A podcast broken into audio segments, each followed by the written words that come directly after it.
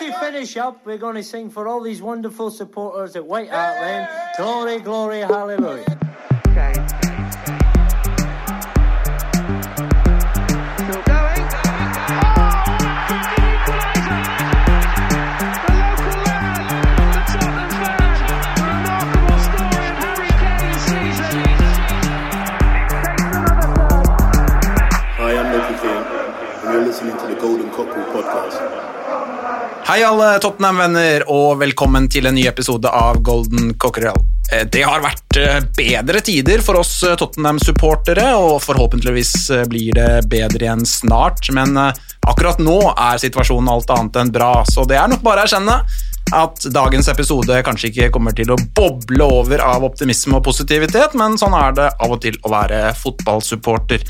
Med meg for å røske tak i situasjonen i klubben vi er så glad i, har jeg en veldig fin gjeng. Ole Andreas Olsen, velkommen. Takk, takk. Er du fornøyd Tottenham-supporter for tiden? Nei, kan ikke, kan ikke skryte av det. Petter Frydenlund, velkommen. Takk, takk. Du koser deg med Tottenham og José Mourinho for tiden, du også, eller?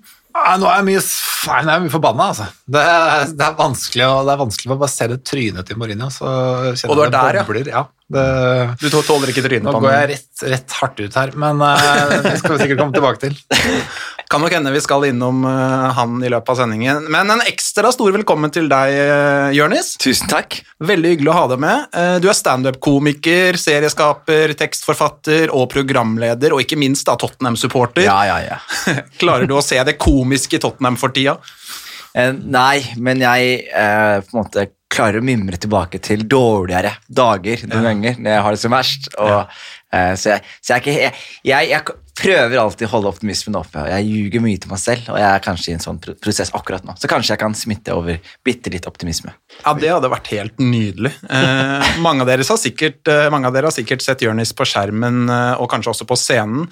I 2017, Jørnis, ble du nominert til Komiprisen som årets nykommer. Eh, og så er du sikkert også Jeg kjent tapte, forresten, for viktig å si, jeg tapte komiprisen eh, mot en slampoet. Så da vet dere det. Hva var verst av å tape Komiprisen og Champions League-finalen? Åh, det blir faktisk Champions League-finalen. Ja. Fordi det var totalt utenfor noens kontroll.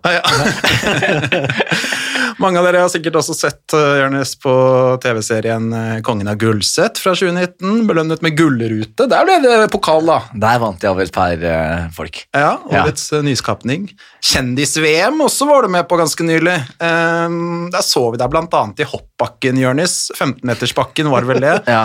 Bra hopp, da. V-stil og greier. Jeg, jeg gønna på. Jeg skjønte at det kom til å være mitt eneste hopp noensinne. Og Anders Jacobsen står i hjørnet mitt og bare, bare gå for det. Ja. Så da har man ikke noe annet valg, så jeg gikk for det. Det husker jeg. Det var, jeg, jeg, skal være helt ærlig, jeg er ikke så fan av sånne kjendisprogrammer. Jeg syns det er veldig kleint, og det kan du gjerne sitere meg på. liksom. Men akkurat det der når du er sånn, vil du hoppe i skibakken og bli coacha av Anders Jacobsen, så da, da bare tok jeg på meg skiskoene og hoppa. Altså. ja, det kan man ikke takke nei til. Nei, jeg, jeg kan si til folk Jeg har, vært- jeg hoppa Vikersund, jeg. Ja. Og så, og, så, og så trenger du ikke å utdype, utdype noe mer. eh, Nei, nei, nei. Men jeg trodde jo helt på ekte når jeg kom ned dit, så ser jeg den store bakken, Ja. og så er jeg sånn åh, ja ja, hvis de sier det går bra, så Så, så jeg var sånn mentalt innstilt på 250-metersbakken. Liksom. Så når jeg fikk 15-metersbakken, så var jeg sånn, ok, nå kan jeg bare gønne på her. Hva ble lengden? Hva ble lengden?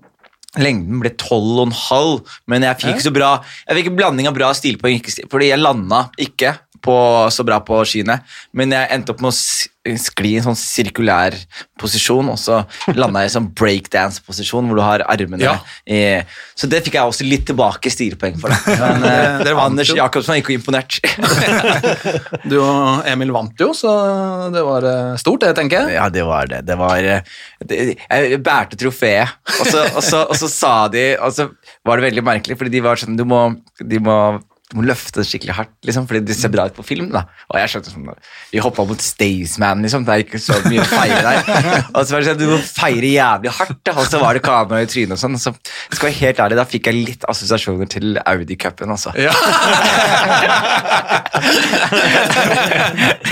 da Moussa Sissoko lofta pokalen veldig hardt. Ja, det var, men hva skal de gjøre? De har jo faen meg, Det fortjente de litt. altså. Og så, var det så, så trist at de blir mobba så fælt for det. Ja. Hvis du skulle satt opp et et eh, standup-show, eh, Jonis, om eh, en av spillerne i dagens tropp. Altså, Hvem peker seg ut som den med størst humorpotensial, tenker du? Det er et godt spørsmål. Jeg tenkt på det, fordi Folk alle sammen vil si Serge Aurier, fordi han er en sånn Men jeg har diskutert det med en annen jeg tror en fotballfan, Rasmus Wold, han er Liverpool-fan. Og jeg diskuterte disse garderobekulturene hvor alle sier sånn Å, han er dritlættis. Han er dritlættis. Og så zoomer litt ut, så tenker du dette er en fotballspiller. Ofte så er det et brødhue. ikke sant?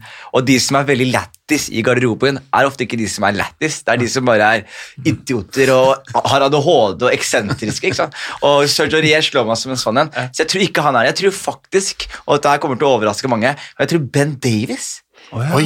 ja, bare for Han er en velartikulert mann og hadde tatt det på alvor. Han hadde ikke vært en sånn, den vittigste Nei. komikeren, jeg tror definitivt at han hadde tatt den. Eller Regulon også, for han har selvtillit. Ja, ja, ja. Så en av venstrebekkene. ja riktig. Ja, men det kan, skal ikke se bort ifra det, altså. Nei.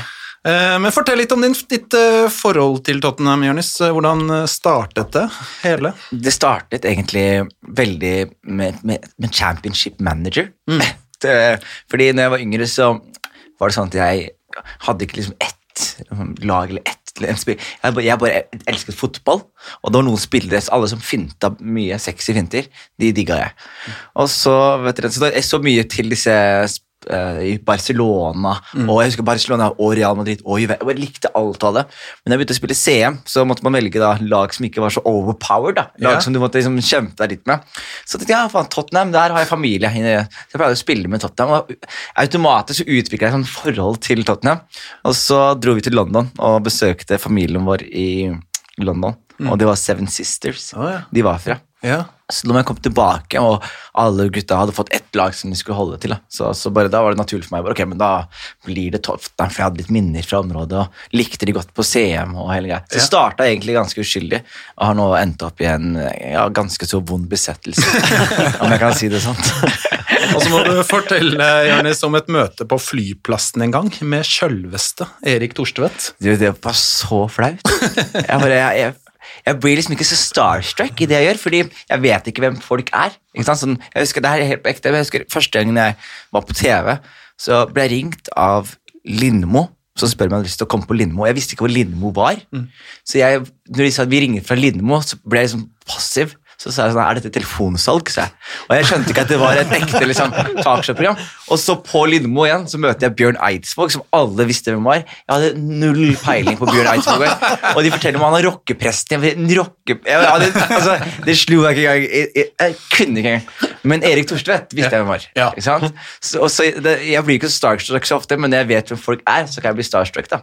Så når jeg møter Erik Torstvedt på flyplassen, så prøver jeg å være litt kul, så jeg sier sånn 'Erik!' Og så stopper han og ser på meg, og så sier jeg sånn så sier jeg sånn med pistoler til, og jeg digger deg, liksom. Og så er han sånn og han ser på meg sånn, og så det, han tar en sånn move som jeg pleier å gjøre på bussen. Hvis, snakker, hvis noen kommer til meg, og jeg ikke vil prate, så løfter du headsetet litt av øret ditt. Ja. Og så lener du deg inn, så er det sånn hm, Hva er det for noe? Og så sier de hva du vil, og så tar du på deg headsetet. Det betyr sånn Jeg er ferdig nå, ikke sant? Ja. Han hadde sånn med telefonen i hånda, og han var ikke i telefon med noen. Og han bare lata som han plutselig hadde telefonen og bare gikk og skulle ikke snakke med meg i et halvt sekund til. Så det var mitt møte med Erik Thorstvedt, og jeg, jeg, jeg liker han fortsatt. En flott fyr. Han er litt, han er litt sånn beinhard med Tottenham om dagen, men det fortjener de. Ja. Men eh, faen, han, eh, han ga meg litt glede da jeg var yngre. altså. Stor helt på 90-tallet, han. Ok, la oss eh, se litt på ståa i Tottenham eh, per nå. Vi skriver torsdag 15. april i dag. Eh, Vi kan jo starte da med det som er bra. Ligacupfinale neste søndag mot Manchester City. Det er ikke så bra. Endelig en finale igjen, da. Det er, det er gøy. En mulighet til å vinne et trofé. Den kampen skal vi selvsagt snakke om mer i løpet av episoden. Europaligaen endte med exit mot Dinamo Zagreb på absurd vis. Frister veldig lite å dvele for mye ved den kampen, for det var ja, så pinlig at uh, Ja, vi lar det nesten uh, ligge, tror jeg. Det kjenner fortsatt uh, Petter og Ole Andreas at jeg blir litt forbanna bare jeg nevner den returkampen her. Jeg hadde håpa at vi prata om den forrige gang, men det Ja. ja. Ja, og det var jo et, etter også, eh, derby også. Ja. Som bare, det, jeg husker den uka der. Det er, jeg tror det er min verste uke som Tottenham-fan, faktisk. Ja, Nord-London Derby og exiten Ja, Europaligaen. bare, og det kom så back to back, og jeg var sånn åh, Jeg husker bare Samboeren spurte er du så nedpå. Så sånn, det er bare skikkelig dritt om dagen. Så jeg bare, og det var spesielt etter det derre Det var bare Selvfølgelig skulle man ryke ut på med en 2-0-ledelse også. Ja. Nei, Ja, det skal ikke være mulig. Og så i ligaen eh, snubler da av gårde. Syvendeplass i pratende stund. Tap for eh, Manchester United sist. 2-2 og to poeng tapt eh, mot Newcastle i kampen før det. Nylig Nord-London-tap etter en pinlig forestilling mot Arsenal. Eh, Petter, eh, det er lett å bli historieløs, men hvis du tenker på hvor klubben var for noen år siden, da, for få år siden, eh, og den enorme utviklingen klubben har hatt de siste 10-15 årene, eh, de forutsetningene som ligger der, Eh, alt det som skjer nå med resultater og Mourinho-greia og hele pakka, er dette en av de mørkeste periodene du har opplevd som Tottenham-supporter? Jeg er fort gjort å bli historieløs da, og tenke at det nå er verre enn noen gang. Det har vært, eh, det har vært en berg-og-dal-bane i altså, hele mitt liv, og før den tida, så ah, det er eh, Det kjennes ille akkurat nå, fordi jeg, jeg ser ikke helt hvordan jeg skal klare å, jeg skal klare å få det til å snu. Um, det som kanskje plager meg mest med situasjonen nå, er jo det Mourinho og egentlig at så mye av Tottenham handler om Mourinho, er vel kanskje det jeg syns er vanskelig. At, mm. hva er Tottenhams identitet i dag? Det, altså, ta hele den Amazon-dokumentaren. Det er på en måte en altså, dokumentar om Mourinho, mer eller mindre, da, mer enn Tottenham. og Det er det på en måte, jeg misliker så mye med, med det. Han tar fokuset. Øh, og når det i tillegg ikke er en fyr jeg liker i utgangspunktet, og resultatene går mot, så, så det, føles det blytungt. Men, men for å avslutte, så er fordelen her, da Fordelen er at Tottenham har jo det livet vi skal ha, da, bortsett fra ansettelser og så videre, og sparken, men så har han bygd en klubb. da. Han har bygd en stadion, han har, Tottenham har nå omsetning, det er vel tiende høyest i verden. Sånn at det fundamentet for å kunne komme tilbake igjen er jo mye bedre enn det, enn det man kunne frykte at det var. Sånn at eh, Tottenham som klubb er jo fortsatt til en viss grad sunn, selv om uh, å få det snu fort til fotball, så, så helt, helt håpløst eh, er det nok ikke. Ja, vinner vi mot Everton i morgen, så, så er- ser det litt lysere ut igjen. Ja. Men eh, bare, så, opp gjennom årene altså, har jeg alltid tenkt at det er aldri kjedelig å heie på Tottenham. Det er, det er alltid et eller annet som skjer. Altså det er høye topper og dype daler, men nå er det sånn jeg- jeg ser ikke på eh, Tottenham som eh, glasset er halvfullt eller halvtomt. Eller, jeg, ser, jeg ser ikke noe glass. Jeg har, ikke- altså, jeg har ikke noe kjøleskap heller. Det er, det er helt tomt, og det, er- det er så trist. Um, jeg og så jo Jon Georg Dalla skrev på Twitter at han hadde bare lyst til å glede seg til å se på kamp igjen. Og jeg er litt der, altså. Mm. eh, vet at det er kamp i morgen. Tenker ikke så mye på det som jeg gjorde for et par år siden. Da bare sånn Når er neste kamp? Det er, Så, ja.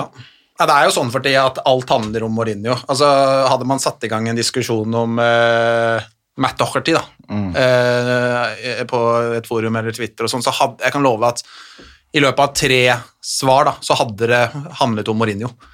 Altså det, det er bare Mourinho er på en måte mye mer enn altså han, han tar mye mer plass enn hele Tottenham nå, og jeg føler det er ekstremt slitsomt, hele fyren. da. Altså det, det, han For meg så ser det ut som han i eget hode er større enn Tottenham. Ja, jeg er veldig enig. Uh, ja. Ja, og det resonnerte veldig med det du sa også, at man eh, altså under bare det minner veldig om sånn under Villas Boas. Så husker jeg også at det var litt sånn Det kjedet meg veldig. sånn, åh, Du bare visste at det skulle bli en kjedelig kamp. Det skulle bli en sånn kjedelig, sånn repetitiv pressekonferanse. Og det var bare den samme greia om igjen og om igjen. Og så på en måte så har vi vært litt bortskjemte, tror jeg, med liksom den Porcetino-ballen vi har hatt. hvor det har vært sånn, Til og med folk som ikke er Tottenham-fans, har kost seg med å se Tottenham spille, Fordi det er guns blazing, alle løper, det er full innsats, og det er spennende spillere. Det er en entusiasme som bare har dødd ut helt. Og igjen, jeg har ikke noe problem med å tape noen kamper. Jeg har ikke noe problem med den rebuilden som Pochettino også på en måte etterspurte. Men det jeg har jævlig problemer med, er bare samme repetitive greiene. Gå ut, bra plan på starten, mål imot, rakne, mister poeng. Og du bare Det er så jævlig slitsomt. Det er en annen ting som ligner på Villas Boas også, er at um, hadde kampene under Villas Boas eh, endt etter 80 minutter, så hadde vi leda serien til jul. Ja, ikke sant? Nå eh, ser vi mye av det samme. Vi, Mm. eh, vi står ikke distansen. Så er det veldig forskjell på å være en klubb på vei opp og en klubb på vei ned da, i forhold til forventningene. ikke sant? Mange år så hadde vi jo mange år i Tottenham siste årene hvor vi hadde elska å være nummer sju. ikke sant? Det var drømmen, det å holdt på å si klare Intertoto der og vinne Fair Play-prisen osv. Så, så, så, så, så det, er jo ikke, det er jo ikke det mørkeste sånn sett, men, men vi er liksom på vei nedover, da. Og det, det preger jo en, en, en fanskare. Og, men ta Arsenal som et eksempel. da. Hvor mye dritt Arsen Wenger fikk for at de ikke fikk fjerdeplass. Ja. Og hvordan de nå altså, Trust the process og Hei Arteta må få tid osv. Han blir nummer ti to år på rad. Ikke sant? Det, er, det er greit, men med, med, med Wenger så var det liksom helt udugelig at de bare ble nummer tre og fire. Så, så hvor, forventningene er jo oppjustert, eh, som vi har sagt, og det er kanskje litt av problemet. Men jeg tror også det er litt at man ikke ser noen løsning med Mourinho. da, ikke sant? Fordi det Jeg husker som, jeg husker når Pochettino fikk fyken, var en veldig trist dag, men så på en måte så skjønte jo, hvis du på en måte så objektivt på det, så skjønte man hvorfor det skjedde. Og så skjønte man hvorfor Levi ansatte nettopp Mourinho, som var sånn Ok, nå skal vi få inn en pokalvinner, en serievinner, til å gå inn og bare skvise det siste ut av en allerede utslitt tropp. da. Og når han kommer inn, og han liksom elsker troppen og får Dockerty, får Høiberg, får Regulon, får Gareth Bale tilbake, så er det på en måte knyttet en optimisme til liksom hele greia. Og så igjen, Hvis det går dårlig, så er ikke det noe stress, men når det, er, når det går dårlig og det er kjedelig å se på, Ja. så er det bare den, den kombinasjonen der plager meg veldig. Men igjen, det er sånn Jeg tror på Mourinho sitt prosjekt fortsatt. Jeg tror at det er Men jeg tror ikke at han eh, kom til det han trodde det var. Og jeg tror at han har for dårlige spillere akkurat nå. Og så Enten så må han bare få full støtte, og det må være kjedelig å se på litt til, og så kan vi få en tropp som på en måte har vinnerskaller og, har blitt forvaltet riktig med en klar plan. Eller så kan man kvitte seg med Mourinho for å gjøre oss litt glade igjen. Og helt, I en tiendeplass, heller tiendeplass, med en person du tru, er positiv til og gleder deg til å se på. En, det der, ja. Ja. Nei, for det er jo det er jo, Mourinho er jo på alles lepper for tiden, og jeg tror eh, det du sier, Jonis, er veldig eh, sant. Eh, Når det blir dårlige resultater og kjedelig å se på, så er det på en måte ikke noe igjen, da. Og jeg føler at det blir så mye det er så mye styr, da. Hvis man kombinerer disse dårlige resultatene og svake prestasjonene med Mourinho. og Det er så mye styr med Mourinho. Altså, det er så mye fakter, det er så mye uttalelser. Altså frysebokser og stort ego og lyver om spillere som ikke er i troppen. og det er liksom sånn det, det er jo en fyr det er veldig vanskelig å like når han ikke eh, gjør den jobben for eh, Tottenham som vi eh, gjerne skulle ønske at han fikk til. da. Eh, Men jeg må jo ta Vi må jo få det litt sånn svart på hvitt her eh, og se hvor Mourinho står i panelet nå. Vi hadde jo et Mourinho-barometer eh, i forrige podkast. Jeg tenkte vi skulle gjøre det igjen nå.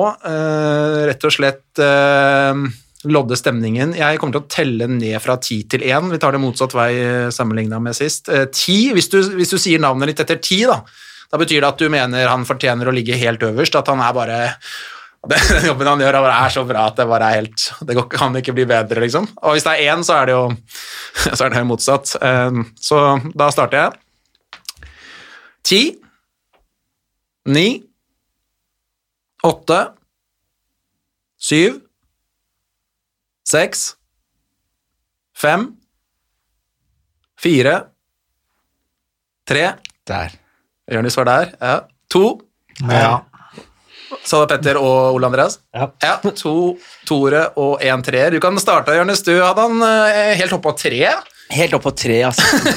Eh, Men det er bare fordi Positive vibes. ja, positive vibes, veldig positive vibes. Men det, men det her er det jeg tenker om greiene. Var jo, jeg husker veldig godt den der ene mm, konferansen med Pochettino, hvor han snakket så mye om det, det, det hard rebuild, eller det tough rebuild, da, som Tottenham måtte gjennom. Jeg har jo også argumentert veldig mye for altså Hvis du ser Liverpool-troppen, eksempel, nå som bare eh, stuper i kvaliteten også. Hvis du ser Tottenham som stuper i kvaliteten hvis du ser mange av disse høytpressende fotballagene, til og med Sheffield United det ene året til det andre, bare det er stor forskjell. fordi jeg tror at liksom sånn høyt press tærer på spillere eh, i mye mer grad enn det man tror. da, mm. sant? Og hvis du ser på troppen vår, så har du hatt liksom, de, de, den troppen som kom seg til Champions League-finalen med Pochettino pluss Mosa Dembele pluss Wanyama.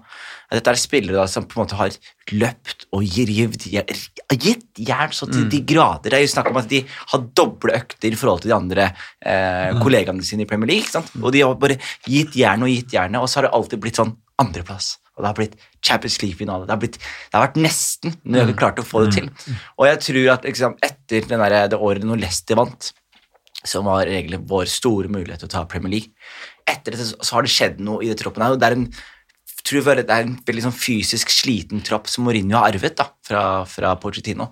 Og så vet man at det, ja, hvis det kommer en ny manager nå, så får man kanskje en liten manager bounce, men den grunnstammen og de grunnproblemene kommer jo til å vedvare, tror jeg. Og jeg tror f.eks. Mourinho eh, avkledde i Manchester United når han var der, var jo De har jo ikke et midtforsvar. Det er ingen som kan spille midtforsvar her og holde nivå, holde et jevnt nivå. Og han går, hva gjør det? Ja, det splæsjer 80 millioner pund på Maguire og andre ting som eh, Mourinho utlyste, og som er med på å dytte United i en riktig retning.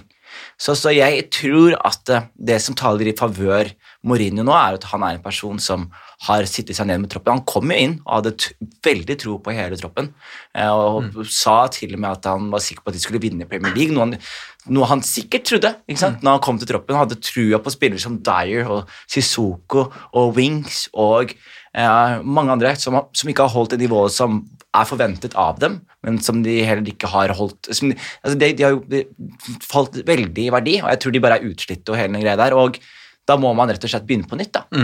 Og skal man begynne på nytt, og man allerede har Mourinho her, som har vært her i et år, og avdekket de store hullene i troppen, skal man ikke bare gi han da muligheten til å fortsette denne prosessen? Og det kommer sikkert til å suge litt til, men når man da fyk, når Mourinho får fyken, når man ansetter da, en eventuelt Nagelmann eller en annen eh, litt angrepende tredjedel, så har de i hvert fall en grunnstamme som gjør at de kan konkurrere med en gang, istedenfor å måtte ta denne tøffe rebuilden som vi egentlig er midt inne i nå, føler jeg. Det tar det litt i favør i Mourinho, men eh, det, de der avslutningene på kampene, noe som han sikkert veit òg, han er jo ikke, han er mye smartere enn oss når det kommer til fotball, han veit jo dette problemet her, men så er det jo på en måte vanskelig å adressere, og det er det Spursy som kommer fram igjen, og så jeg har trua på at hvis han får lov til- til å få midler og gjøre det ordentlig, så kan det bli bra, bli bra men blir det en halvveis greie med kompromisser, så er det bare å drite og dra.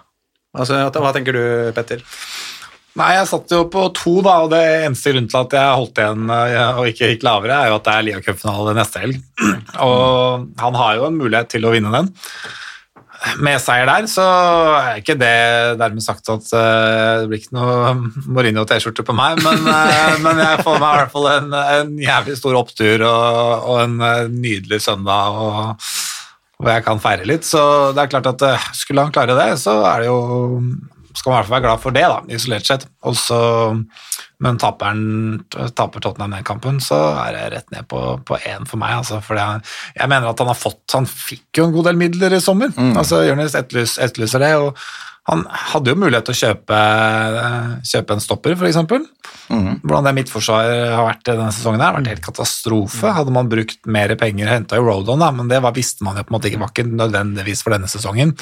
Eh, sånn at det hadde brukt penger på en ordentlig midtstopper, eh, i etterpåklokskapens navn, så hadde jo det Da tror jeg Tottenham hadde fått Champions League, fordi bare en, en ordentlig midtstopper inn som hadde Sjef i Forsvaret. ja, som hadde vært stabil gjennom sesongen. Det tror jeg hadde, det er ikke så langt opp, faktisk. sånn Men han gønna jo veldig på Skriniar og ville ha han, og henta jo Regulon, som har forsterket laget veldig, Høiberg, som har forsterket laget veldig, Ja. og fått det beste ut av Ndombele, som også har forsterket laget veldig.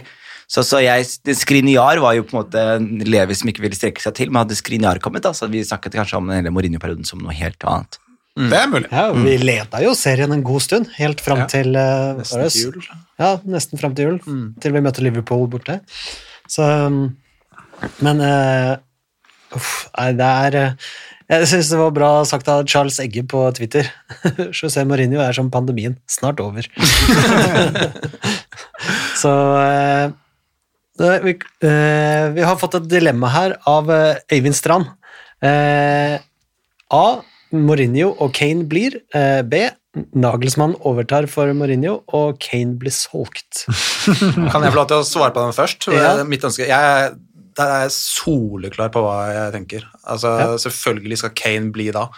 Eh, Mourinho blir uansett ikke lenge, da. Altså, eh, la oss si han blir et halvt år. da. Altså, han, får, han får jo En morgen kommer vi til å våkne opp til at Mourinho har fått sparken. Det er ikke noe å lure på. Han, han sitter ikke i kontrakten ut, og så eh, står de på klubbkontoret der og shaker hender og er gode venner. Altså, han får, En morgen våkner vi opp til det der bildet med den logoen litt nedenfra på stadion og club statement og Mourinho er ferdig. Så, så det, det er ikke verdt å, å kvitte seg med Kane. Altså, Kane, Kane skal være i Tottenham. Mourinho blir uansett ikke lenge, så det er en no-brainer i mine øyne. Altså. Ja, men samtidig, så hvis man skal se pragmatisk på det, er det, sånn, det er snakk om veldig, veldig mye penger. Eh, og en ny manager med friskt blod som kan forvalte disse pengene her. Og hvis du først skal miste Harry Kane, noe som eh, vi kommer til å gjøre enten av naturlige årsaker om seks-syv år, eller gjennom et eh, salg i hans prime, så, så er det snakk om veldig mye penger til nettopp denne rebuilden. Og hvis man vil se Nagermann skinne, og han har 150 millioner til disposisjon og får lov til å beholde andre nøkkelspillere i troppen, så, så vet jeg i hvert fall at jeg hadde gledet meg til fotballkamper igjen. ikke sant? Ja, Vi var jo der for syv-åtte år siden da, med disse pengene fra Bale. Det var jo Ja. Kapo og Kirikes og det var jo faen meg Men Eriksen også. Ja da, han, og, og, Eriksen som, kom som, Lamela, ja. og Eriksen er kanskje den viktigste spilleren et bar, Tot- eh, bar Kane siste ti årene vi har hatt på, i, på i laget. da. Det er sant. det er sant. Hva tenker du, Petter, om eh, dilemmaet som Ole Andreas presenterte? Nei, jeg, jeg er nok enig med deg av, av samme, samme grunn som deg, Lars Peder. Du satt jo her og var ganske eh, streng eh, forrige gang du var med, når, eh, når det var snakk om at noen ønska Kane ut. og det, mm, Nei, Kane må aldri dra. Nei. Det må han ikke finne på å gjøre. men, eh, men jeg ser jo det at noen eh, De vil ikke ha han ut, da, men de liksom skjønner hvis han vil dra. Kane, Fordi ja. at eh, de unner han, og eh, når du ser at det snubler gang etter gang, så greit, skal, skal han bli vår uh, Gerard, liksom. At han blir uh, hele karrieren, og så har uh, ja, allikevel Gerard vant jo Champions Champions League og FA-cupen. eh, Men det er jo eh, Jeg skal ikke ta spørsmålsjobben din, Ole Andreas. Det er jo et spørsmål til egentlig om litt det samme. da. Andreas Andreas By som skriver hvis Kane blir solgt, Gud forby i parentes, eh, i sommer for 120 til 150 K pund, eh, og vi kan bruke tilsvarende ekstra på overgangsmarkedet, ser neste sesong egentlig så mørk ut da?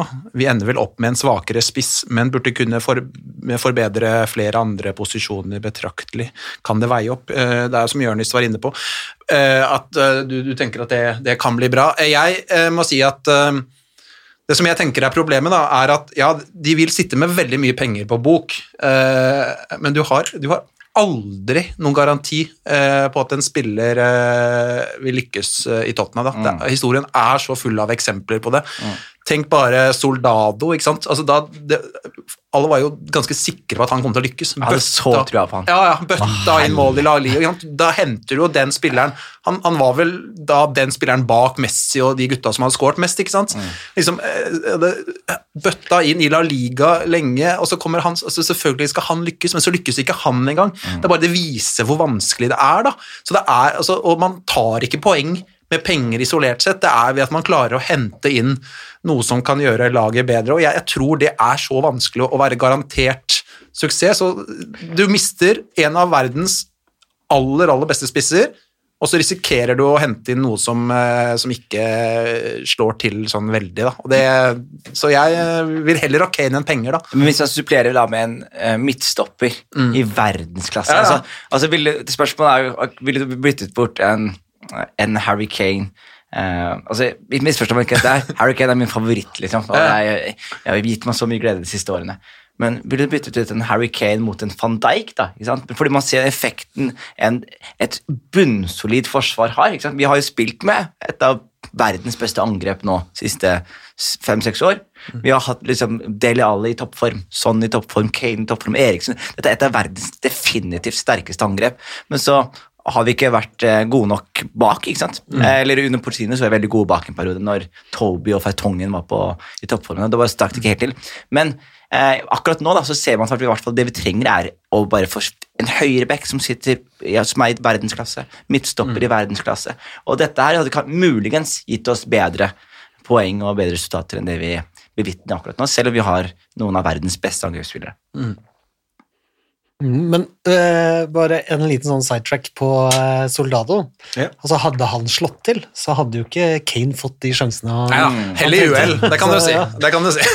Og så har vi Dane Scarlett også, som jeg Ja. synes, er- han syns jeg virker veldig spennende. Ja. Han var det beste Morin. Det, Morin er veldig flink til å vekke optimismen på de tingene der. Som plutselig er en ungspiller som har, Og han skryter opp i skyene. Og det er sånn, okay, ok, faen, Han tok jo med Tanganga også forrige sesong. Mm. Ja, men Det er klassisk Mourinho å hive inn eh, masse sånne unge siste to minuttene av en match og hiver inn 10-12 sånn i løpet av en sesong, og så hvis en av de lykkes, så kan han stå der om ti år og si at det var jeg som Ja, ja.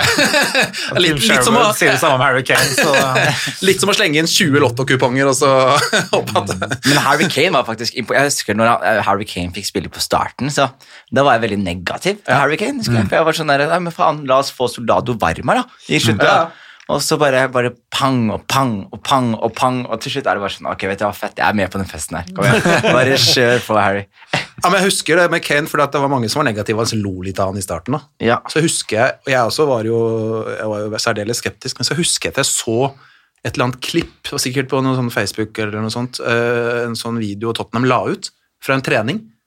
Eh, Så var det egentlig bare en sånn det var en sånn spillsekvens, eh, og så bare så Han hadde et par sånne goller på den treningsøkta. Et tilslag fra sånn 25, bare hamra han i krysset et par-tre ganger der. tenkte jeg, faen, han der må jo kunne bli god. Hva er deres favoritt Harry Kane-øyeblikk?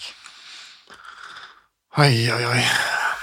Eh, Og hvorfor er det når han dro av seg den maska? Ja, jeg tenkte på den samme. Jeg skal bare la de andre snakke først. Ja, jeg satt egentlig og tenkte på er det noe annet. Han sto i mål, kanskje. Det var litt kult. Du, det der var også Ja. legendarisk. Og så tror jeg også det første frisparket som kom fra ingen steder. Jeg synes også det var helt fantastisk. Bort mot Villa. Ja. Det var ikke, det var ikke det første målet under Pochettino. Stemmer. Iran. Jeg lurer på noe, ja, jeg lurer på noe var det. Du var der, du, Petter, var du ikke det? Jeg mener du har sagt det. Ja, nei, jeg var ikke på den kampen. Nei. Men, uh, Det var et, en, en annen kamp du var på. ja. Nei, men uh, Kane, ja. Uh, er det lov å ønske seg at han kanskje blir litt hvassere fra 19 meter eh, frispark der, og så har vi en dimensjon til, eller? Der Ja. har han litt å gå på. Ja, men jeg tenker også samtidig han må gjøre som eh, det Ronaldo aldri gjorde. Og bare innse at liksom, Ja. han har et fantastisk tilslag, men han har ikke den streaken akkurat nå på frispark. Mm. Og det, Da vil jeg heller ha han snikende foran keeperen og prøve prøve å plukke opp returer fra de andre spillerne. Så han må bare kjenne sin begrensning og, og la Dyer ta frisparket. Eh, Jeg tenkte vi skulle gå litt inn på noen av disse utfordringene da, som ligger i Tottenham for tida. For det er jo Nå hadde vi jo den matchen mot Manchester United sist helg, hvor Tottenham leder 1-0 til pause. Og jeg tror alle Tottenham-supportere hadde en følelse av at dette kom United til å snu. Eh, det har, for det har jo vært en kjempeutfordring, eller la oss kalle det et problem, for det er det der, eh, egentlig hele sesongen. Eh, Jeg tenkte jeg skulle presentere noen tall. Det er alltid litt eh, altså, vanskelig å henge med på tall, men jeg skal prøve å være kort og konkret. Hvis man ser på Tottenham i første omgang da, eh, versus andre omgang denne sesongen her eh, I første omgang, altså til pause, så har Tottenham tatt 17 poeng mer enn Liverpool. Etter pause har de tatt 14 poeng mindre enn Liverpool. Mm. Før pause 19 poeng mer enn Manchester United. Etter pause 21 poeng mindre enn Manchester United. Jeg sa 19 poeng mer på Manchester United. Ja, i hvert fall 19 poeng mer før pause, 21 poeng mindre etter pause. Første omgang 22 poeng mer enn Arsenal. Etter pause 12 poeng mindre enn Arsenal. Første omgang 26 poeng mer enn Wolverhampton. Andre omgang 2 poeng mindre enn Wolverhampton. Og så til slutt, første omgang 25 poeng mer enn Leeds. Andre omgang 11 poeng mindre enn Leeds. Det er dystert. Det er dystert, altså. Ja, det er helt sjukt. Ja. Fra én omgang til en annen. Det er fra best til langt unna. Og det som er akkurat med tallene der, er at da er det veldig tydelig at det er noe med planen. Det er tydelig noe som skjer med planen, og noe som skjer med spillerne mentalt og strategisk. da. Og det er jo, gjør det jo enda verre. Hva tenker du, Petter, er grunnen til at vi ser disse tallene? Uh, hvis du tar førsteomgangene, for det er kanskje det mest bekymringsverdige her, er at jeg føler at det er litt flaks at Tottenham har gjort det så bra i førsteomgangene. Tottenham har vært dødelig effektive i en del førsteomganger. Det er ikke sånn at Tottenham har gått ut og vært helt konger eh, på byen i første omgang. Det har vært uh, jevnspilte kamper, så har plutselig kanskje Son eller Kane kontra inn et eller annet. Mens i andre omgangene så har det vært Da føler jeg mer at det er eh, ja, hva man kan gjøre av taktiske disposisjoner, bytter, at man på en måte kan legge opp, eh, legge opp løpet litt. Så nei, det forteller meg jo bare at eh, coaching og kanskje moralen i laget også. Altså Hvis dette har skjedd noen ganger, så er det jo selvfølgelig altså De er jo mennesker, disse utpå der òg, så mentalt på samme måte som jeg som sitter og ser på og tenker at det går i, til helvete, så gjør det jo gjerne det. For spillere òg, selv om de aldri vil innrømme det, så, så preger, jo det, preger jo det laget. Hva tenker du, Ole Andreas? Jeg er helt enig. Det, eh, man, eh, man lurer jo litt på eh, om, om de er sliten slitne i beina eller slitne i huet, eller begge deler. Altså, hvorfor klarer de ikke å stå distansen ut? Um, og du ser jo hvor viktig Harry Kane er, altså når han er vår beste spiss, vår beste playmaker og vår beste forsvarer. Så det er, er det, det er slitsomt å prøve å være positiv eh, ved- under kamper nå. Um, eneste er at de to neste kampene er mot lag som heller ikke er noe gode om dagen. Så eh, la oss håpe på en opptur i morgen mot, eh, mot eh, Everton, og så valse over eh, Southampton, gjerne, for å liksom få tilbake litt, tror jeg, før uh, ligacupfinalen. Men jeg tenker på den, eh, den kollapsen vi ser da fra Tottenham etter pause, så det må jo, det må jo når det er så enormt eh, sprikende tall, da, så tenker jeg at det må, det må, skyldes, eh, det må skyldes eh, flere faktorer. Den fysiske formen må jo være en av dem. Fordi nå hørte vi jo Solskjær også klaget på fysisk formen til United-spillerne da han tok over etter Mourinho der, og de hadde en stor jobb, sa han, den sommeren med å, komme i, i god nok form. Nei, den sommeren var det ikke, han eh, tok, tok jo over til jul. Ja, men i hvert fall hadde en stor oppgave med å, å få dem i, i form. Um, mentalitet så er det, som du sier, Petter, altså det sniker seg inn noen tanker, Uh, helt sikkert. Uh, strategi, kampplan, beskjeder fra Mourinho uh, under kamp, i pause osv.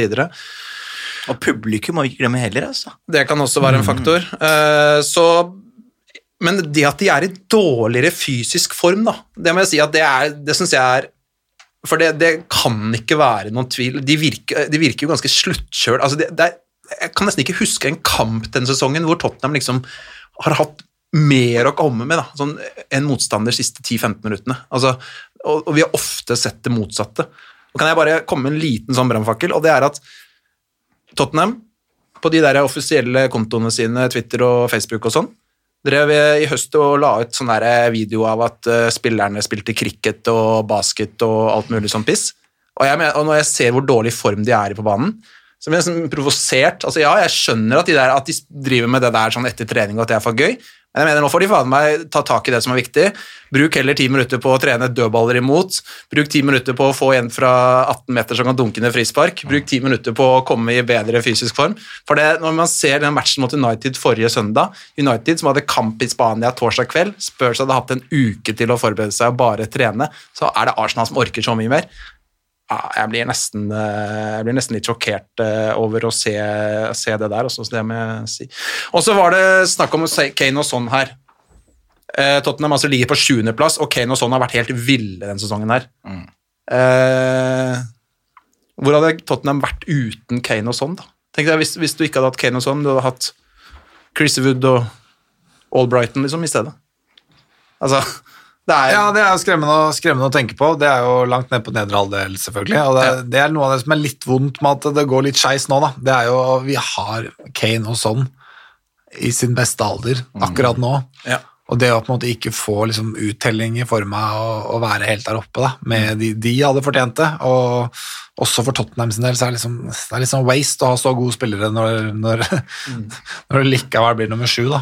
Eh, Sånn har, sånn er, men i det siste så har også sånn vært veldig ineffektiv. Da, så man må også rette, han, har, han surfer litt på en veldig bra når vi- kom på, lå på førsteplass, så var det mye takket være Son og Kanes kliniske samarbeid. Mm. Men de siste månedene så, så har Son også vært litt uh, svakere enn det han pleier å være. Ja. synd. Men det er jo også sånn at hvor hadde de hvilket som helst lag vært uten sine beste spillere? Og det er, så vi er veldig avhengig av verdens beste spiss i Harry Kane og en av verdens beste kantspillere i, i Son. Eh, definitivt. Og, men jeg synes, som du sier, altså, det som er litt merkelig i år, er bare også eh, Vi har vel to skader nå. Docherty Ja. og Ja. Davies. Eneste skadde spillerne, som igjen vitner om at de, de får ikke kjørt seg, tror jeg. akkurat. Du ser de spillerne, de lagene som løper mest Ja. og, og jobber hardest, de er jo de som på en måte sliter mest med skader. Så det problemet, problemet pleide vi å ha. Ja. Eh, nå har vi ikke det problemet lenger, til, eh, men nå klarer de ikke å løpe i det hele tatt. Det er interessant da, når man tenker et år tilbake i tid, hvor mye Mourinho snakka om de skadene, og hvordan det ødela. eh, At det var det skade som var skylda for at det ikke gikk helt, eh, helt etter planen for et år siden. Mens eh, ja, han snakker ikke så mye om skadesituasjonen nå. Nei, men, men jeg tror ikke, men jeg tror ikke kanskje, La oss si hvis du, skal, hvis du har masse skader, da, så tenker du at er- kanskje det er for intense treninger her. Vi, vi skrur det ned, så skrur de ned, og så blir ikke skada, men nå klarer de ikke å løpe. Altså, det er, kanskje, kanskje det har bare vært en sånn justering også. Ja, men det er sånn, hvis, hvis du har to kompiser, han ene trener og trener og trener, og trener, det er han som blir skada. Hvis Mm. den som bare sitter i sofaen og ser på Netflix, ikke sant? han blir ikke skada. Så det er klart at eh, det, det kan jo Han klarer ikke å yte heller. Nei, nei, men det gjør ikke Tottenham heller, da. så, Så, så spørsmålet er vil vi ha skada spillere eller late spillere. enten eller. Men eh, dette forsvaret, da, som vi har sett eh, slippe inn enkle baklengs eh, gjennom hele sesongen eh, hvor mange, hvor mange lag i Premier League er det som har et dårligere forsvar enn det Ja, jeg har litt sterke meninger angående Forsvaret. bare. Ja, få høre. Ja, det er akkurat det jeg mener er at det, det er irriterende hvordan noen spillere ser ut til at de ikke klarer å spille fotball lenger. Eh, for eksempel eh, Sanchez, da, Ja. som jeg husker var et monster under Pochettino. Jeg, jeg, jeg, Vi ble så overraska da han kom fra Ajax. Var sånn, what? Han unge spilleren her er så ekstremt god. Var ikke sikker på om han skulle ta over for Fartongen eller Tobia. Han bare bytta på og danket de ut fra laget, liksom. Så han var jo helt Men problemet er at han, dette er en spiller som er vant til å spille med en høy linje. ikke sant? Han er vant til å spille veldig off, ligge litt høyt og ta, bruke hurtigheten sin og ta igjen folk og rydde opp bak seg. Og så når du har sånne spillere som nå plutselig må spille i en veldig sånn lav blokk, da, så, så er det ikke noe rart. Og, de, og hele, hele lagspillet nå baserer seg på vi forsvarer oss, og så utnytter vi feil, men når de da ikke er så gode til å forsvare seg, så ender du bare med å eksponere deres største svakheter gang på gang på gang. Da. Enig i det. Um hva tenker du, Ole Andreas, om det forsvarsspillet vi har sett? Er det, er det, har vi blant Premier Leagues svakeste forsvar, tenker du? Nei, det syns jeg ikke, men vi, vi er jo individual mistakes i FC. Altså, det er jo så mye personlige feil som vi Ja. blir straffa for. Eh, det, det virker ikke som det at det er den kollektive eh, defensive strukturen som, eh, som svikter oss. Det er liksom eh, Dyer som eh, loser, skal lose en ball inn til Loris, eh, eller Sanchez som eh, klarer å nærmest bomme på ballen, så Mm. han havner hos motstander der. Så. Men det går jo på kvalitet på forsvar og forsvarsspill, det òg, da. Individuelle, Jo, enkle feil. Men Ja, er det en sammenheng mellom antall personlige feil og hvor mye man bytter på de midtstopperne? Det, det vil jeg tro. Mm, Både, ja. både hvor mange ganger eh, de har blitt vraka om hverandre og blitt sikkert gjort til syndebukker og får ikke spilt sammen og i det hele tatt. Jeg, jeg tenker at det Ja, du får jo litt de, de forsvarsspillerne du fortjener òg, ut fra disposisjoner. Og i tillegg så mener jeg også at den beste, den desidert beste vi har, er jo han som ikke får spille nå i det hele tatt. Toby. Tobia. Selv om han ikke er, eh, han er ikke perfekt lenger, han heller, men han er den, det sikreste kortet vi har, da. Men nå har jo, unnskyld, nå har jo Marino prøvd å, å på en måte sette noen uh, midtstopperpar da, og latt de spille. sånn som Dyer var lenge inne, han bare lot han spille og spille og spille. Gjorde feil, fikk fornyet tillit, gjorde feil. altså Etter hvert så måtte han bare ut. Sanchez også, egentlig. Fikk jo plutselig en del kamper på rad nå, inntil den Newcastle-kampen hvor han mista ballen 21 ganger og bare helt krise. og Så var han ute av troppen til neste kamp. Eh, Så han har jo prøvd det, men det er bare at det er ingen som ing- ingen som, som leverer stabilt, da. Men hva- han- ja. Ja, men hva skjer med Toby? Var, ikke, var, det ikke merkelig det som skjedde nå med, med At han løy om at Toby ikke var på trening? Jeg, altså, Mm. jeg er veldig spent på hva som skjer med Toby akkurat nå bak kulissene, fordi han, eh, som du sier, den, en leder bak Forsvaret, en av eh, den beste forsvarsspilleren vi har, og Mm. en av de som klarer å lede den linja der, og så får ikke han. Jeg er veldig spent på hva som skjer der. Jeg er enig. Jeg tenkte vi skulle snakke om det, fordi han hadde jo trengt, når de stiller med Dair og Sanchez bak der, så, så mener jeg det forsvaret er Jeg eh, mener faktisk det er eh, Hvis man går gjennom stopperparene, de som spiller mest i de ulike Premier League-lagene, så mener jeg det er ikke mange lag som har et svakere stopperpar enn det, det Tottenham har stilt med mye den sesongen her. Altså. Men Eh, individuelt også, så har du på en måte du har Joe Roden, som alle er enige om er et kjempetalent. ikke sant? Og så har du Jafet Tanganga, som alle skjønner er et kjempetalent. Og så har du Davison Sanchez, som har vist seg til å være en av colombiansk landslagsspiller og eh, årets spiller, eller årets forsvarsspiller i Eredivisie og har spilt med Toby og spilt i Premier League i fire-fem år nå og, vært, og levert høyt nivå til de siste to årene. Så individuelt så har vi jo på en måte Også Aurier er jo ikke dårlig. Sergio Regulon, en av verdens beste venstrebekker fra Sevilla. Ben Davies, som alltid har holdt et, eh, over et visst 6-7-nivå til Premier League. Og, vært, så, og Matt Docherty, ikke minst, som kom fra Wolverhampton og var eh, en av de beste Premier League-backene eh, de siste to-tre årene. Liksom. Så, det, så det er et eller annet som skjer kollektivt der. Da. For jeg, bare, jeg skjønner hva dere sier, men samtidig så skulle de spilt Fifa da, og satt opp, så hadde de vært gode nok spillere til å ha, danne en stabil forsvarslinje baki der. Ja. Jeg tenkte vi skulle snakke litt om hvitevarer. Eh, Ole Andreas, har du noen tanker om hvilken hvitevare vi skal innom i dag? En, en av de kaldeste. Ja, fryseboksen. Eh, det er jo stadig noen spillere oppi Mourinhos fryseboks. Eh, hvem det varierer litt. Eh, sitter stadig noen oppi der. Akkurat nå er vel Del Alli oppi der. Eh, Bergwijn er vel oppi der. Bale Bale er vel i hvert fall vært der altså litt sånn inn og ut, tror jeg. Eh, Winks er vel oppi der. Toby er oppi der. Uh, Bailey var oppi der. Aurier var oppi der en liten periode. Sanchez havnet oppi der etter kampen mot Newcastle. Um, hvordan føler dere Mourinho håndterer spillergruppa? Ikke bra. Nei, men det er veldig sånn eh, Veldig sånn fraksjon, da. Fraksjoner. Skap. Veldig sånn eh, lojalister med ikke-lojalister. Og det, føl, det føles, Du ser det fra utsiden, jeg har aldri opplevd maken. Sånn, under forsiden så føltes det som alle var på lag. Ikke sant? Ja. Og alltid følt at alle har vært på lag, utenom kanskje eh, ja, eh, for lenge siden når eh, Etter Rednap, da. Så var det, Adebayor og sånn Adebayor, ja. og, og, når når Modric ville dra, og det var liksom, du merket det, det var liksom mye surmuling i klubben. Men, men eh, det med Morita er veldig merkelig, for nå føles det som ja, Deli Alli gir alt. da. Føler, det, I hvert fall utsiden. Ser ut som spiller som bare møter opp på trening, klager ikke, gir alt. Og så er det sånn Hvorfor er han i Jeg bare skjønner ikke den fryseboksen hans. Danny Rose. har vi Danny Rose er jo, han er jo helt, eh, helt nederst der. Ja, definitivt. Ja, Og det er sånn. interessant, og hvis man ser noen av de kommentarene til Danny Rose som han fikk slakt for når han kom med de, hvis man leste noen av de sitatene fra Danny Rose i dag, så, så tenker man seg om en ekstra gang eh, før man nødvendigvis bare tenker at Rose var problemet. Mm. Mm. Rose er Jeg syns Han fikk sånn u... Så, sånn, når jeg så noen sånn memes om Rose, da han, han plutselig Han bare Han skal eh, til ny, eller overgang til en annen klubb, da. Så har folk sånn ah, Ble det Milan? Ble det Milan? Etter den der eh, Amazon-dokumentaren. Så tenker jeg sånn Dette er et spiller som Er det én spiller som virkelig har gitt alt da siste ti årene, liksom? Det er Danny Rose, altså. Han løp gjennom murvegger for alle Ja. managerne han hadde. For klubben. Var dønn ærlig med alt mulig rart. Jeg syns han har blitt skikkelig disrespekta. Ja, trist avslutning på hans Tottenham-karriere. Altså. Det er jo han vi, som Tottenham skårte første målet på ny stadion der, og er det sånn som skårer. Han bare, du bare ser han i bakgrunnen gå ned på kne, og bare, det bare betyr så mye for han. da. Så et bilde av han nå, han Ja, nei. eh, Men denne fryseboksen, altså eh, Vi så jo forrige kamp nå, da mot United. eh, Da var jo Sanchez plutselig ute av troppen ikke sant, etter den dårlige kampen mot Newcastle. Og Da tenker man kanskje at Toby kommer inn, da, men det gjør han ikke, for han er i fryseboksen. eh, Så da blir det Dyer plutselig, som har jo vært eh, ganske ræva hele sesongen. Men Tobby er ikke helt i fryseboksen, da, for han sitter på benken, eh, så det er en glippe på døra der, og eh, kanskje ble den døra åpna da Bale plutselig slapp ut nylig, og så må de jo fortsette å ha døra åpen, for snart skal det jo nye folk inn der, og kanskje noen ut også, så Ja, altså, hva er greia? Altså, jeg føler det eskalerte litt etter det intervjuet med Loris, ja, etter Dinamo Zagreb-kampen. Eh, hva tenker dere?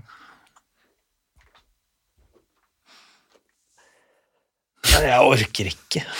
Det er bare For hvis man prøver å forstå seg på det, så bare Plutselig så kommer det noe ny. Eh, Ja, da, da, I morgen spiller Toby etter å ha blitt hunsa rundt, og så Ja. Jeg, jeg skjønner ingenting. Det, Men, men den praten til Lori etter Zagreb-kampen, det var også veldig spesiell. Fordi Ja, det var spesiell, altså. det var første gang vi fikk liksom litt adressert litt hva som faktisk foregår Ja. eh, bak. Slik jeg forstod, Men det var jo fortsatt veldig kryptisk på mange måter. Da, men slik jeg, det inntrykket jeg satt med igjen med etter det, var at det er noen spillere i troppen som eh, han følte ikke ga alt, og som ikke var klare til å gripe sjansene sine. Og det jeg tror han mente, var de spillerne som ikke er i startelveren. Sånn eh, Wingsen og Sissokoen og, og eh, Aurier og Ali Ali. Og, og det maker jo også litt sens, da. at? Dette er spillere som har blitt skrytet opp i skyene de siste årene. Noen av de har vært nominert til årets spiller i Premier League og vært liksom der oppe og nikka. Og så vært på landslaget samtidig. Og nå mister de plassene sine på landslaget. De mister sitt renommé som fotballspiller fordi Mourinho har kommet som manager. Så det er jo eh, veldig merkelig, men eh, minstekravet burde jo være å, å gi alt, da, uavhengig av hva slags predicament du er i. Ja, for det er jo øh, Altså Vi er vant til at disse Premier League-spillerne, når de intervjues, så er det jo veldig mye innøvde fraser. Eh, Så det å høre Loris og det han sa i det intervjuet der, var egentlig ganske oppsiktsvekkende, da. Selv om han helt sikkert kunne sagt veldig, veldig mye mer. Bare det han sa Det er jo ganske sjelden egentlig å se en spiller si så mye som han gjorde, da. Ja, nå Amazon skulle vært der, vet du. Ja, ja. Nå skulle man, det hadde vært mye mer interessant nå, egentlig. Eh, så det er jo helt tydelig at det er, eh, at det er et problem uh, innad i troppen der, med spillere som uh, ikke drar den retningen. Og så blir det jo veldig mye nysgjerrighet der ut hvem ble liksom vraka til neste kamp da, etter den uttalelsen. Og så har man jo sett noen spillere som ikke har vært på banen etter det. Så Som hvem da? Winks, eh, Winks har vel ikke vært på banen, han har vært ute av troppen en del. Bergwijn har vel ikke vært på banen etter det. Eh, Jeg skjønner ikke Bergwijn. Var ikke det liksom Morinos lille kjæledegge? ja, han har ikke spilt på noen uker nå, i hvert fall. Og så har han skåret null mål i år, og null assister. Ja. Han ble jo hunsa Eller han ble jo hetsa på sosiale medier også etter kampen borte mot Liverpool, hvor han eh, setter den i stanga og setter den rett utafor Mm. i starten av andre omgang der. Da, Og den starten han hadde med, med City-målet. Ja. Hva tenker du, Petter? Nei, hva tenker jeg, altså jeg, jeg tenker, Det jeg tenker mest på om, generelt om Tottenham om dagen, da, er, er hvordan jeg, altså jeg, jeg og, og alle dere investerer mye tid og energi og kjærlighet inn i, fotballklubben vår. Og, og har på en måte hele tida lyst til å liksom få noe igjen for det. da. Så jeg, så, og ikke bare sitte og surmule over trener og høyrebekk og gud veit hvem. Så nå sitter jeg liksom, og sønnen min på fire år begynt å liksom bli litt interessert og har lyst til å se kamper med meg. Og, så det jeg liksom jobber med mest med meg selv, er jo egentlig Nå sitter jeg og klager mye sammen med dere, men, men jeg jobber liksom å få finne en eller annen sånn glede, da, en eller annen entusiasme med det å holde med et fotballag eh, igjen. Og for at det skal smitte over på, på sønnen min òg, at han skal slippe å sitte og skal liksom ikke forbinde det å bli Tottenham-supporter med å sitte og høre pappaen sin sutre over alt mulig rart. Så, så ja, jeg, jeg går gjennom en sånn her personlig prosess liksom Det er fint å komme hit, da, for da kan du bare ventilere litt her, og så er det hjemme å være positiv til sammen. Ja, det er det jeg gjerne vil, da. Og, og få til det. Og så foreløpig løser jeg det med å ikke si til han når det er kamp. Fordi jeg tror ikke jeg klarer å, å være så positiv. Men, men uh, jeg tenker at det, det, det var litt sånn der aha-opplevelsen jeg hørte på en, en annen engelsk Tottenham-podkast for, for litt siden, hvor og en øh, som, er, som Han ble jo Tottenham-supporter, heldigvis, men um, han, han beskrev det å vokse opp på 90-tallet, og begynne å holde med Tottenham på 90-tallet, med en far som satt ved siden av og bare sånn klagde på alt, og alle med treneren var dritt, og spilleren var dritt. Og, Mens, mens jeg på en måte som vokste opp eh, jeg, var liksom, jeg trodde jo på en måte at de 90-tallsheltene mine var gode. ikke sant? Eh, og så skjønner jeg jo ettertid at det var ikke alle som var det var ikke, Rule Fox var ikke så jævla rå som jeg, jeg kanskje trodde. da. Eh, men men det, det, er på en måte, det har man kanskje lyst til å, lyst til å leve litt i den, i den fantasien. Altså. Så jeg ja, Jeg tror Gary Mabbott var ikke han en sånn Franco Baresi-nivå på han? Liksom. Jo da, god Mapsy, var- fint, men eh, Nei, men jeg, jeg bare tenker det, er- det er viktig å, det er viktig å ikke Nå snakker jeg mot alt jeg har sagt før i dag, da, men, men jeg tenker det er viktig å ikke grave seg for dypt ned. Da. Man må liksom prøve å se hvor er det det er liksom noe glede å spore. Da. Vi, vi er foran Arsenal, faktisk. Fire poeng. Så mange år de har havna foran oss. Nå er vi klare ved det i år, så er vi fem sesonger vi havner foran dem. Det er ikke det feteste i verden lenger, eh, fordi, men det er likevel verdt å ta med seg. Vi har den Lia Cup-finalen. Mm. Vi har en jævla fet stadion når vi får lov til å reise dit igjen. Mm. Det er liksom vi må liksom finne noe å være stolte av, noe å glede oss over, da. eh, uansett hvor eh, smått det måtte være. Ja, og, ikke, og ikke glem Arsenal. Det som er så digg med Arsenal er at det, for de så har de en god sesong. De er, lyk- jeg er så Arsenal-fans, de, de, de er lykkelige. de. Er oh, trust the process og holder på. Og de er under oss, og vi har det helt forbanna jævlig, og vi bare endrer alt, og vi er fortsatt over det. Det syns jeg er en positiv ting. Og som du sier, stadion også. Vi har jo, vi har jo så mye som vi kanskje eh, irriterer oss over uh, personen, men så har vi jo verdens beste styreeier i Dan lever, liksom. Uh, og man vet at han alltid har klubbens interesser. Altså, hvis det er riktig å sparke Mo, både finansielt og med tanke på muligheter, så kommer han til å gjøre det på sekundet. Han nøler ikke et halvt sekund, null emosjoner inni der. Og at vi har veldig mange unge, spennende spillere som kommer opp. Vi er, som du sier, topp ti-klubb i Europa, og eh, hvis vi først skal begynne en gjenbyggingsfase, så er det faktisk ikke noe bedre periode enn å gjøre det enn akkurat nå, og med en ruthless trener som Mourinho. Så det er mye positivt. Bare det, er ikke, det er ikke gøy å se maling males, men det er digg å se det tørkes og hvordan huset ser ut etterpå. Og nå er det bare, nå har håndverket akkurat satt opp stillaset, føler jeg. Ja, fantastiske metaforer, Dennis. Og det bringer oss over på eh, Vi må gå i gang med litt ligacupfinale, for da kan jo Ja. byggverket virkelig Ja, ja, ja. få Vi har en knulla City så mye opp igjennom. Du spurte meg i stad om eh, nei, eh, Nei, vi snakker ikke om favorittøyeblikk, men City-kampene det er alltid mine høydepunkt. Fordi vi, skal al vi burde egentlig alltid tape de. Ja. Alltid burde vi tape Alltid! Alltid! Og bare Mitt lykkeligste øyeblikk som uh, Tottenham-fan er jo altså, Hvis du ikke tenker på Lucas Hattricken, som uh, sikkert burde være øverst på listen alle sammen, så er det faktisk no go. Som er, som, som er mitt favorittøyeblikk. Bare fordi det var sånn in your fucking face. Pep og Sterling og hele den gjengen der. Jeg er med på den, ass. Ja, ja, så jeg gleder meg litt til eh, ligacupfinalen, faktisk. Ja, Da har, vi fått, da har to av lytterne fått svar på rappen her. altså Største ekstase som fan, eh, spurte Erlend André Nordmo om. Og så har jo Han heter eh, B. punktum, bare Vlatek. Um, har jo spurt hvordan man holder motet oppe. og da, ja, ja, ja. Det er veldig Hva var deres favorittøyeblikk? Eller største ekstase? Det er, eh, det er Lukas. Lukas? Ja. hvor var du? Jeg var, eh, jeg var hjemme. Eh, Så eh, jeg lå to minutter bak. Å oh, nei! så, så, men jeg hadde ikke på noe pling eller noe sånt. Ja. Men kona mi hun, hun la merke til det på sin telefon. Da, så hun titta opp og bare så meg sprelle på gulvet som en laks. på land. Ja. Du var der, Petter? Ja, ja, jeg har snakka om det sikkert mange ganger. Ja, jeg vil her, høre, jeg vil men, eh, ja, nei, jeg er, eh, jeg er i borteseksjonen i Amsterdam. Nei! Var du der, eller? Der var jeg. Kødder du med meg, eller? Rad, rad én oppi, oppi hjørnet der. Helvete! Hvordan var det, da? Og det, og det var til og med Det var, sånn, var, ikke, så, var ikke så mye trua i forkant av kampen heller, vet du. Nei, og, eller, da var det litt sånn fett å være i Amsterdam og Tottenham i semifinale, og bare nyte dette her, liksom.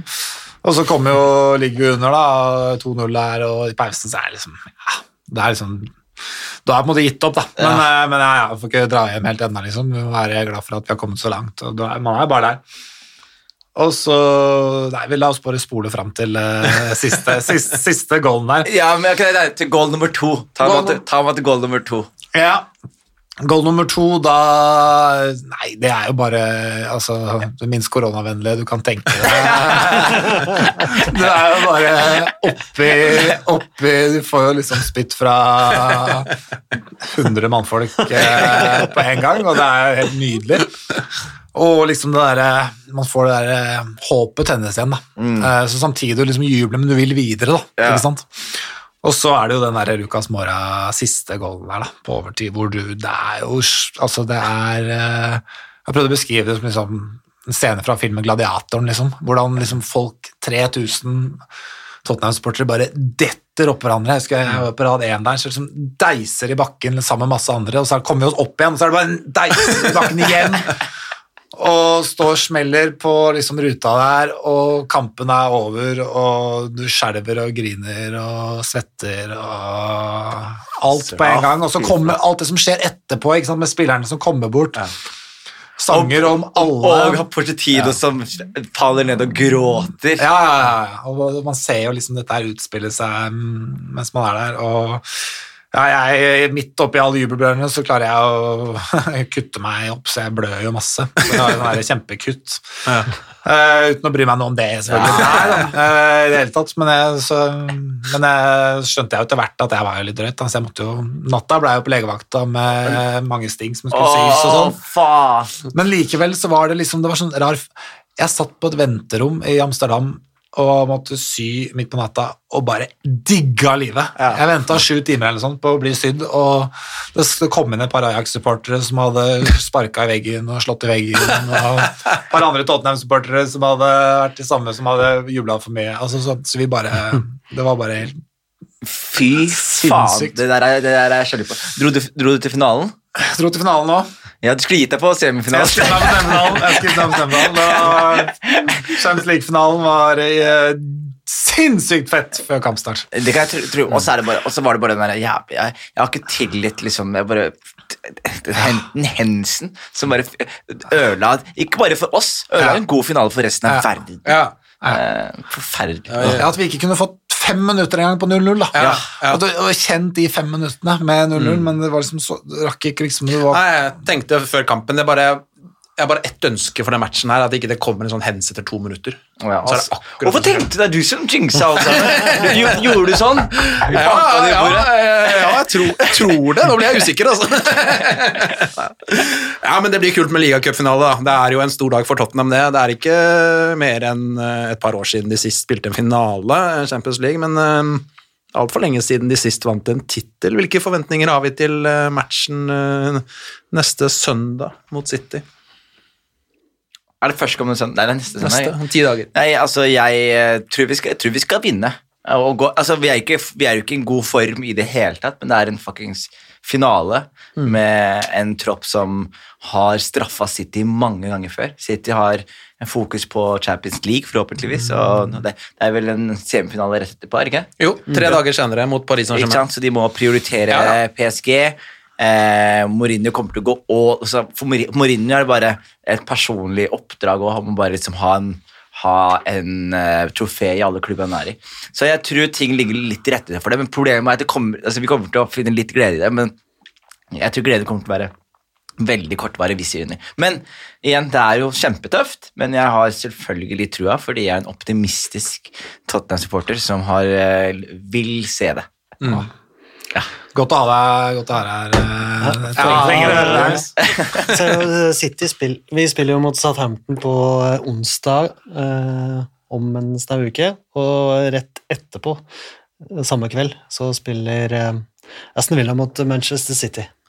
Så eh, de har ikke noe mer hvile enn oss eh, foran, foran kampen. Men, og etter kampen så er det også st- mer stressende. oss For de har match igjen på onsdag. Og det er klart at City kommer til å prioritere Champions League steinhardt foran ligacupen. Det er ikke noe å lure på, selv om det er en eh, finale. det er nok den hesten Aston Villa-kampen de nedprioriterer hvis de nedprioriterer noe. Ja. Fordi um, de har nok lyst på en eh, kvadruppel som de har muligheten til. De kommer nok eh, ja da, de kommer nok til å stille sterkt. Men, men, jeg tror, år har de ikke det? ja, men jeg, jeg tror ikke City kommer til å stille toppa på søndag når de har ny viktig match på onsdag. Det er litt, litt for tett. altså Hadde det vært torsdag, søndag-torsdag, eller lørdag-onsdag, så hadde jeg vært mer bekymra for det. Så, men eh, nå er det ikke akkurat eh, dårlige spillere City setter inn når de skal hvile. Du lar ikke til Brøyne spille mot Høiberg eh, tre dager før semifinalen. Nei, det, sånn som, det kan godt hende han står over, da. Ja. Og, og det, det er jo kanskje en av verdens beste fotballspillere, så det bare liksom å slippe Heller, heller da få inn eh, Fernandinho eller noe sånt. Liksom. Bare altså, et par sånne. Det gjør mye, det. Og så er det et eller annet spennende med City når de møter fordi, altså, som, eh, City, De siste kampene jeg har sett av City, har jo vært sånn Ja, de spiller jo på et veldig høyt nivå, men du ser det er muligheter til å angripe, det er muligheter til å skåre mål. sant? Du ser jo i Leeds-kampen, ikke minst de som de hadde nylig. Ja. Eh, så det på når Dortmund, eh, som ikke er i toppform engang, klarer på en måte å nesten ryste dem. Så jeg tror at de, de er ikke så udødelige som de ofte er på sånn De har sånn punkt mellom sånn desember og februar hvor de bare er Alt klikker, og ingen kan røre det, liksom. Men de er ikke der nå. Nei. En ting til, da. Eh, Det skal jo være publikum på Ja, det er kult. Sant. Å. Og vi har jo vi har fått spørsmål om, om du tror at vi har lidd mer av det enn en andre. Eh, publikum. Ja. Jeg var Nytte av publikum. Ja. Jeg var jo på Tottenham stadion. Og når, du, og når jeg var der, så er det sånn, ja, du skjønner definitivt at det, det har veldig veldig mye å si. Eh, det, det jeg tror kan, være litt problematisk, er jo at eh, altså, jeg synes Tottenham-fansen var hysterisk når jeg var der sist. Jeg husker at Da tapte vi dessverre mot Chelsea, men da husker jeg liksom sånn der Alonso, Marcos Alonso som kom løpende på, på bekken der, og de bare roper sånn Murderer! Murderer! Og så He kills little girls! He kills little girls! Marcus Alonso! He kills little girls! Murderer! Murder! Og de bare holdt på sånn. Jeg var sånn det er steintøft. De, øh, øh, men det var, det var så høyt, høy trykk der, og høy, øh, høy energi, og den veggen var jo helt fenomenal. Problemet tror jeg bare at det, eh, publikum har ikke vært der siden det har gått litt dårlig med Mourinho. Ikke sant? Så jeg vet ikke hva slags publikum som kommer. Er det et publikum som skal heie frem laget sitt, eller er det et publikum som skal eh, gjøre det klart til Mourinho at han ikke har ønska lenger? da. Så det er jo, Jeg håper på det første, eh, men jeg regner litt med en begge, eh, blanding. Jeg ser for meg at eh, de, de som slipper inn nå på Tottenham Hotspur Stadium, det er sånn folk som har stått utenfor en butikk i, i sånn eh, tre uker, og så har han inna, på innsiden har ikke giddet å, å låse opp, så de er dritforbanna. Så nå bare ramler alle inn fly forbanna og skal vise hva de egentlig syns om han butikksjefen. Ja, ja men jeg tror, det, jeg tror, jeg tror liksom, ja, det blir digg med fans tilbake, men det blir også litt sånn eh, Ikke så digg for Mourinho, tror jeg. Jeg tror bare folk, folk kommer bare sinte inn på stadion, liksom. Eller, ja, eller eh, folk hater ham. eh, Jeg, jeg, jeg, jeg henger jo ikke med liksom, match-going fans. Er de, er de glad i Mourinho? Dere møter vel kanskje noen av de? Ja, nei, det er veldig mye motstand mot han. Altså. Og ikke bare, ikke bare han, jeg tenker mange av de som drar på sesongkortholdere på Tottenham Hotspur Stadium òg, vil også skylde ganske mye på Daniel Levy. Sånn Du, som du mener det? Ja. Ja, fordi, men jeg tenker bare sånn hva, Da vil jeg gjerne høre, fordi jeg er eh, hans største fan. Og jeg skjønner, han har gjort noen sånn dumme valg opp igjennom sånn småhagling, sånn, sånn som du nevnte på Twitter. Sånn, eh, den Grealish-avtalen som jeg tror alle irriterer seg litt over. Og, og alltid vært sånn, du holder på å få en stor spiller, så skal han hagle på en halvannen million, millioner, som bare frustrerer alle. Men eh, som styreeier, som ikke har en arabisk nasjon bak seg, så, så har han gjort alt på et makroøkonomisk plan for å gjøre klubben driftig og selvstyrt og bygge den stadion. Så, så jeg lurer, hva er eh, det, Hva ville du sagt er kritikken av Eh, ja, jeg er litt sånn lenge forsvart. Jeg har forsvart Daniel Levy veldig lenge. Eh, jeg syns det blir vanskeligere og vanskeligere nå, eh, for jeg syns han har gjort noen veldig dårlige valg. Men, men den kritikken går mest på mangel på trofeer. Eh, at man aldri har klart og at har vært, de har vært der i snart eh, 20 år og vunnet en Lia-cup, og det på en måte er det er for dårlig, da. Eh, Tottenham-fansen forventer mer enn en ligacup på, på 20 år, og, og det er jo i og for seg fair enough, det. Um, og det handler jo selvfølgelig om noen ganger å ikke, ikke bruke penger, uh, i hvert fall i de riktige situasjonene, da. Um, Gått litt for First Price-versjonen av, eh, spillertypen man vil ha. Ja, samtidig, og så er det jo selvfølgelig, du har jo et poeng her, altså det er jo urettferdig også å sammenligne eh, Tottenham som businessmodell med ikke sant, Manchester City og Chelsea og, flere andre, Også, og det er klart at noe, i den kritikken så forsvinner jo det, glemmer man, er det flere som glemmer det litt da, at Tottenham drives jo på en annen måte, kanskje litt mer som en fotballklubb burde drives. Og um, noe vi kan være stolte av som fans. Um, Også, ingen av oss, Hvis vi vil bære trofé, så veier jo det mye tyngre enn igjen en City Champions League som er nesten er forventa etter at har splæsja et halvt statsbudsjett inn i den klubben der. Mm. Jeg, jeg, tror er, jeg, tror, altså, jeg, tror alle, jeg tror alle er veldig sånn fornøyd med den jobben livet har gjort. Sånn, altså, nå har han sittet i 20 år, liksom fra det første året til liksom det 12., 13., 14., og den måten han bygget den, tok den klubben veldig mange hakk eh, høyere da, enn hvor de var på alle mulige vis. Han har utvikla klubben enormt. Og så, og så føler vi nå at Tottenham er i en helt annen posisjon enn hvor de var da, da han tok over. Så nå har de på en måte et grunnlag og en mulighet til å kunne ta det derre siste steget, da. Altså å kunne kanskje være helt der oppe og kjempe om de virkelig store titlene. Og så har det på en måte mangla så innmari lite. Altså det er liksom Det sto på noen, på si, noen kroner med tanke på å få inn Jack Grealish, ikke sant. Uh, Skriniar nå sist sommer, ikke sant. Det har, vært, det, har vært så, det har vært så lite som har skilt dem fra å og kanskje klare å ta det steget. Da. Hadde de fått liksom, noen sånne som de har vært ganske nærme å få tak i, så, så kunne de kanskje, da kunne historien vært fantastisk bra nå, da, hvor Tottenham var nå. Så det, jeg tror no, det er nok det som kanskje gjør at, uh, at mange er skeptiske og liksom, irriterer seg over at han ikke har klart å ta det steget videre. For det har egentlig vært ganske gode muligheter for det, da. Men, men det som også er viktig, og, og som jeg tenker, er at fra jeg begynte å heie på klubben til der klubben er nå, da, så har klubben hele tiden tatt altså det har tatt så store steg at vi snakker om denne sesongen her, hvor vi er i en ligacupfinale og en topp fire innenfor mulighet, som en katastrofe. Vi er bare så forbanna. Og det er litt sånn der, eh, det er et eksempel med IBM, som, veldig, som, jeg- som man bruker veldig ofte i forretning og sånn, og det var at de hadde da det var sånn 60 de måtte nå ha budsjett for å eh, levere bra tall det året. Jeg husker ikke helt hva regnestykket var.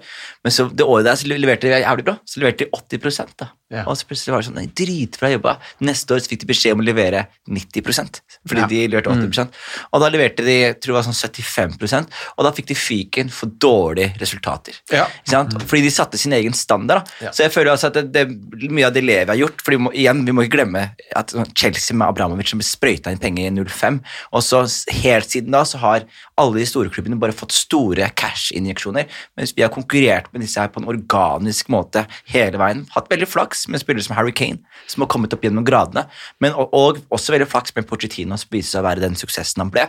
Og hvis han, skal, hvis han skal ha kritikk for noe, føler jeg, da, så er det at han, når han først igjen Pochettino er der, og Pochettino gjør en dritgod jobb, og han sier 'jeg trenger dette og dette for å ta det steget', og han ikke får det.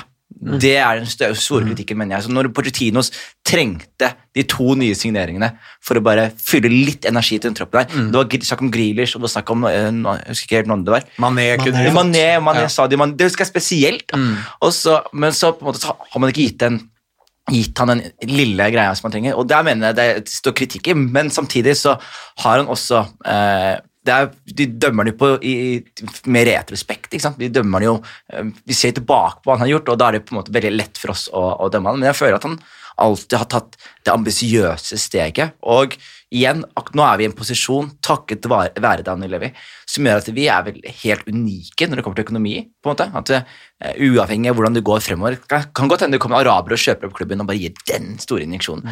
Men uavhengig om det skjer eller ikke, så har vi nok nå til å være en Premier League-klubb som konkurrerer i toppen. Og det er ikke altså Man ser hvor mange skakkskjørte klubber det er i verden. Og i, spesielt bare Barca og Real, og, de holder, og de er statsfinansierte, altså. Og vi konkurrerer der oppe år på år etter år. Så, så, så har man den ene gangen hvor den, det ene året etter sånn seks-syv år hvor det ikke det går som det skal. Ja. Så, så på en måte så Hvis man zoomer ut og ser det større bildet, så er det jo helt fantastisk det Daniel Levy har gjort. Å, vet du, hva, jeg syns det, synes det var en fin avslutning. Fundamentet ligger der, jeg er helt enig med deg, Jonis. Eh, så nå ble jeg litt sånn optimist igjen, folkens. Jeg tenker at eh, Vi heier på en sunn klubb, folkens. Ja, da, det gjør vi. Eh, Kanskje, må- kanskje ikke mange trofeer, men sunn! Det er det. Det kan jeg fortelle sønnen min. Nei, men det er, eh, det er bra. Vi eh, krysser fingrene for at den ligacupfinalen går veien. Det hadde vært eh, veldig kult å få en tittel i hylla igjen. Jeg har et spørsmål før du rapper opp Ja. podkasten. Ja. Og Veldig hyggelig å hilse på dere alle sammen. Jeg skal glede meg til å bli en fast lytter fremover. Men eh, hvor, er, hvor er det Tottenham-fansa tar øl i byen når de ser matcher? Jeg har hørt om forskjellige puber, men hvor er The Pub? Da kommer du på Bohemen. Bohemen på Sankthanshaugen? Nei, ikke La Bohème, men eh, Bohemen i Arbeidergata ved, rett ved tinghuset. Jaha. Ok, Der stikker du innom neste gang eh, vi får lov. men da ses vi der, tenker jeg. Sweet. Stilig. Veldig bra. Takk til uh, Vi skal, Panelet? eh, Skal vi ha noe mer? Jeg har bare lyst til å at vi skal høre hvilket spørsmål vi likte best. Mm. Av uh, størst, uh, Erlend André Nordmo, som spurte om største ekstase som fan, og eh, dilemma til Øyvind Strand, og eh, Hva var det siste Jo, det siste jeg tenkte på, var eh, eh, Anders Bye sitt spørsmål om Kane blir solgt, gud forbi. Åh, nei, nei, det er Skremmende spørsmål, men definitivt det første ekstase. Fikk jeg vite historien din om eh, Ajax. Var, eh, Da kan jeg leve, i, leve meg litt inn i din historie. Ja, jeg stemmer også på den. eh, Ja, men Det er viktig å huske på de gode minnene her i livet. Ja, Ikke, ikke grave seg helt med. Ja, men jeg er helt enig. I disse koronatider så trenger vi sånne ekstatiske minner, så jeg definitivt Da legger vi Erlend André Nordmo i potten på en drakt ved sesongslutt. Så syns jeg det dilemmaet var kult, og så må sies det. Men det, det, Ja. det, ble, det ble ekstasen som vant i dag. Men uh, takk til uh, Ole Andreas for uh, strålende innsats. Selv takk. Takk til Petter for strålende innsats. Ja, bare hyggelig. Og Jørnis, det var veldig kult å ha deg Du, med. tusen takk, og jeg, jeg kakla som faen, men det var veldig veldig hyggelig å være her. Og dere ga meg mye glede i dag. Ja, men Så kult. Vet du hva, du Takk, må i komme, like måte. Ja, i like måte. Du må Bare- komme tilbake snart. Altså. Når som helst. Når Ja, som helst. I'm all- perfekt. I'm all yours. Vi får se åssen det går med Mourinho og greiene. Men hvis, hvis, hvis Nagelmann kommer, da vil jeg gjerne være her igjen. Ja, da, da, Greit, det skal vi huske på. Da er Jørnis eh, på plass ved mikrofonen igjen. Da er det bare å si eh, come on you Spurs, ligacupfinale på søndag. Eh, vi, eh, neste søndag, altså. Vi håper det går veien. Og så avslutter vi med Ole Andreas. Come on you Spurs!